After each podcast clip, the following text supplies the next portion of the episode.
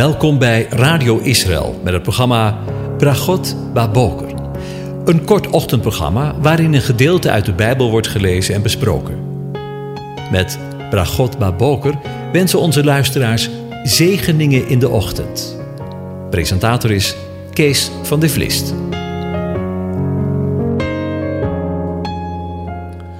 Goedemorgen, Bokatov, beste luisteraars. Vanmorgen denken we voor de zestiende keer na over Psalm 128. Ik lees de psalm aan u voor. Een pelgrimslied. Welzalig is een ieder die de Heere vreest, die in zijn wegen gaat. Want u zult eten van de inspanning van uw handen. Welzalig zult u zijn en het zal u goed gaan. Uw vrouw zal zijn als een vruchtbare wijnstok binnen in uw huis. Uw kinderen zullen zijn als jonge olijfbomen rondom uw tafel. Zie, zo zeker zal de man gezegend worden die de Heere vreest. De Heere zal u zegenen vanuit Sion. U zult het goede van Jeruzalem zien al de dagen van uw leven. U zult de kinderen van uw kinderen zien. Vrede, shalom over Israël.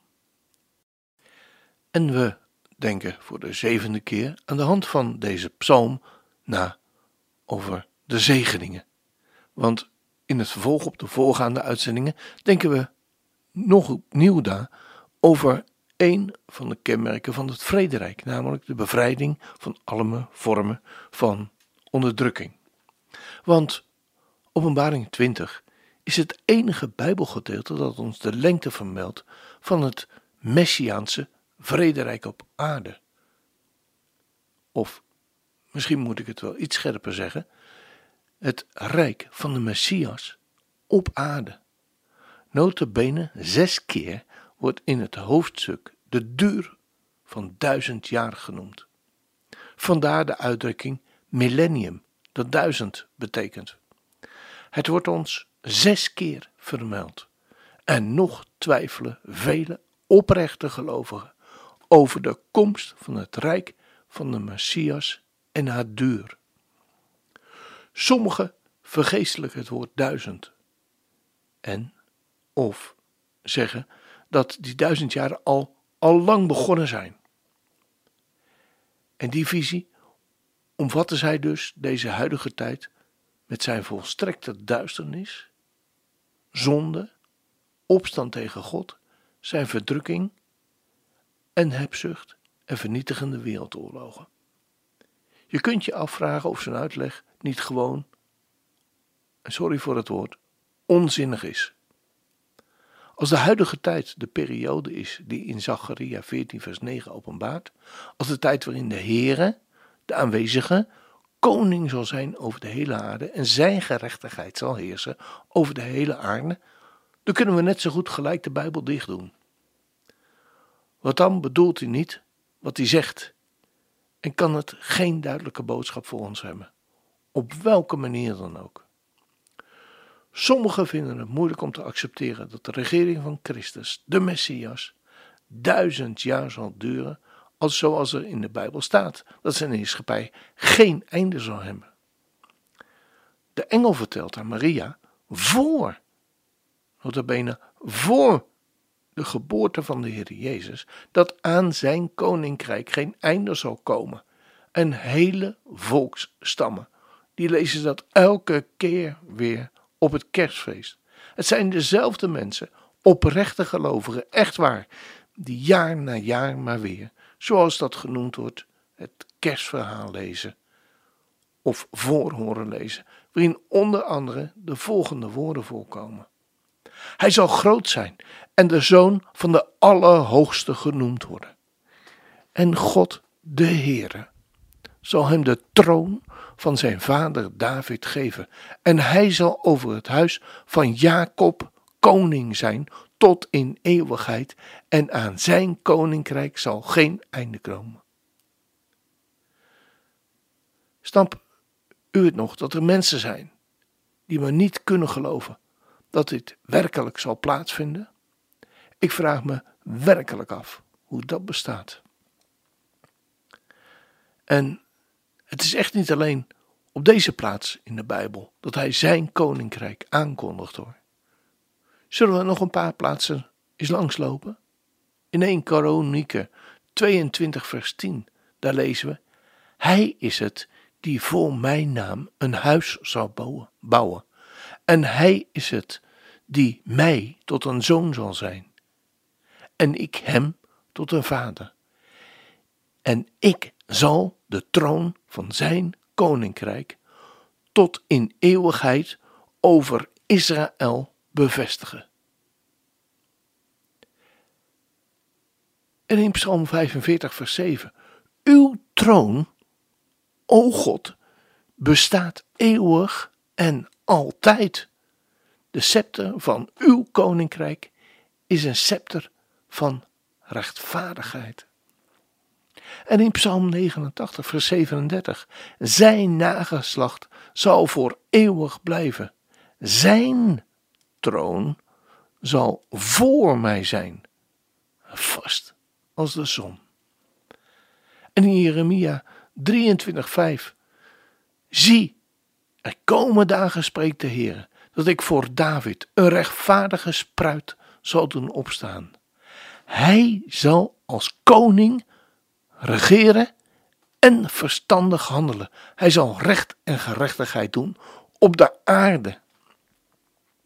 En in Daniel 7, vers 14, daar lezen we: Hem werd gegeven heerschappij, eer en koningschap. En alle volken, wordt het goed, natieën en talen moesten hem vereren. Zijn heerschappij is een eeuwige heerschappij, die hem niet ontnomen zal worden, en zijn koningschap zal niet te gronden gaan. En in vers 27 van hetzelfde Daniel 7, maar het koningschap en de heerschappij en de grootheid van de koninkrijken onder heel de hemel zullen gegeven worden aan het volk van de heilige van de Allerhoogste. Zijn koninkrijk zal een eeuwig koninkrijk zijn. En alles wat heerschappij heeft, zal hem eren en gehoorzamen. En in Micha 4 vers 7. Ik zal wie mank gaat stellen tot een overblijfsel. En wie verdreven was tot een machtig volk. En de Heere zal over hen koning zijn op de berg Sion van nu aan tot in eeuwigheid. En als laatste een citaat uit het Nieuwe of het Tweede Testament, waar we in Hebreeën 1 vers 8 lezen, maar tegen de Zoon zegt hij, uw troon, o God, bestaat in alle eeuwigheid. De scepter van uw koninkrijk is een scepter van recht. En er is echt geen tegenspraak. Of sprake van tegenspraak wanneer we zorgvuldig 1 Korinthe 15, vers 24 tot 28 lezen. Daarna komt het einde, wanneer hij het koningschap aan God en de Vader heeft overgegeven, wanneer hij alle heerschappij en alle macht en kracht heeft er niet gedaan, want hij moet koning zijn, totdat hij alle vijanden onder zijn voeten heeft gelegd.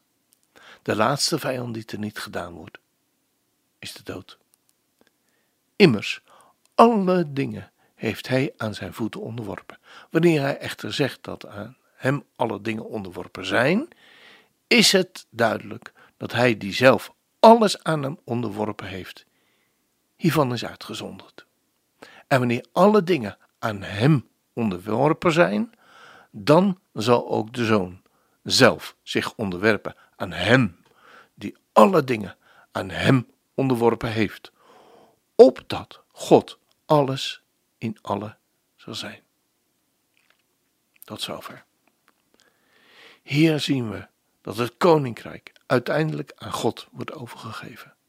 Wanneer dit gebeurt, eindigt de regering van de Messias, Christus als middelaar. En is de volmaaktheid bereikt.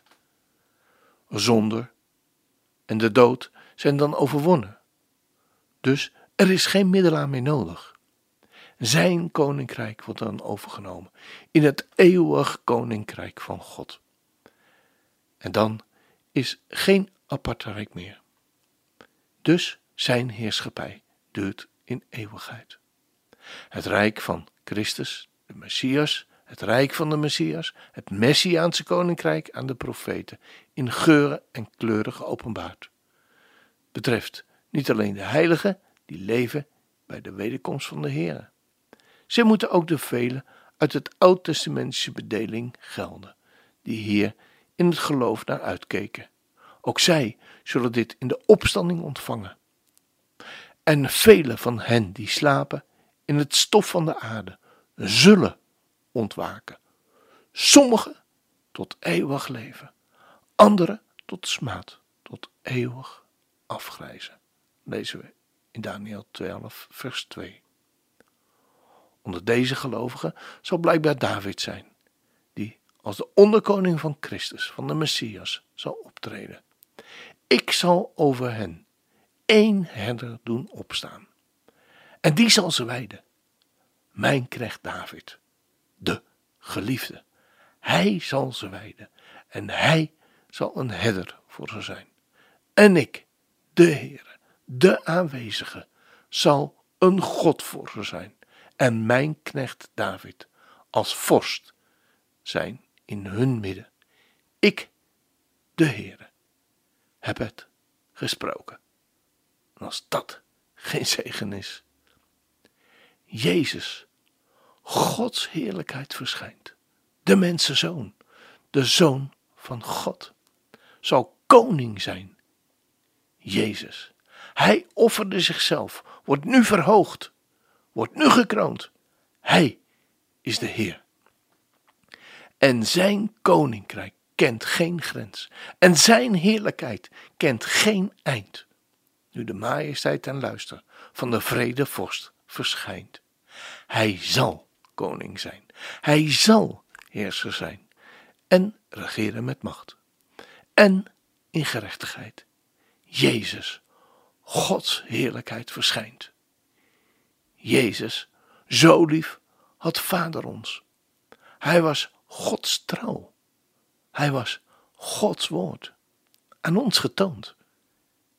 Jezus, beeld van Gods heiligheid, wordt nu verhoogd, wordt nu gekroond. Hij is de Heer. En zijn koninkrijk kent geen grens. En haar heerlijkheid kent geen eind. Nu de majesteit en luister van de vredevorst verschijnt. Hij zal koning zijn, hij zal heerser zijn en regeren met macht en in gerechtigheid. Jezus, Gods heerlijkheid, verschijnt.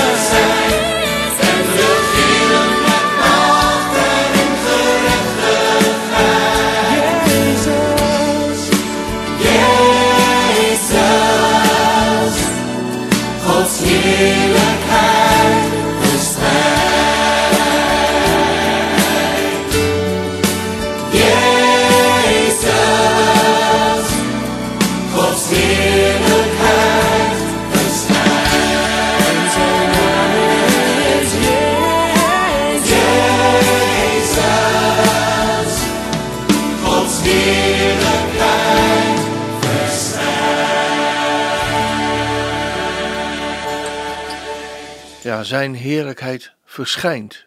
En zo is het. En dat woord verschijnen bleef een beetje bij me hangen tijdens het, uh, het draaien van het lied. En toen moest ik denken aan de woorden van Paulus, die hij schrijft aan zijn geestelijke zoon Timotheus, zo aan het eind van zijn leven. Waar hij zegt: Voorts is mij weggelegd de kroon der rechtvaardigheid, welke mij de Heer, de rechtvaardige rechter, in die dag geven zal. En niet alleen aan mij, maar ook alle die zijn verschijning liefgehad hebben. Als dat geen zegen is. De Heer zegene en hij behoedt u. De Heer doet zijn aangezicht over u lichten en zij u genadig. De Heer verheft zijn aangezicht over u en geeft u zijn vrede, zijn shalom. Amen.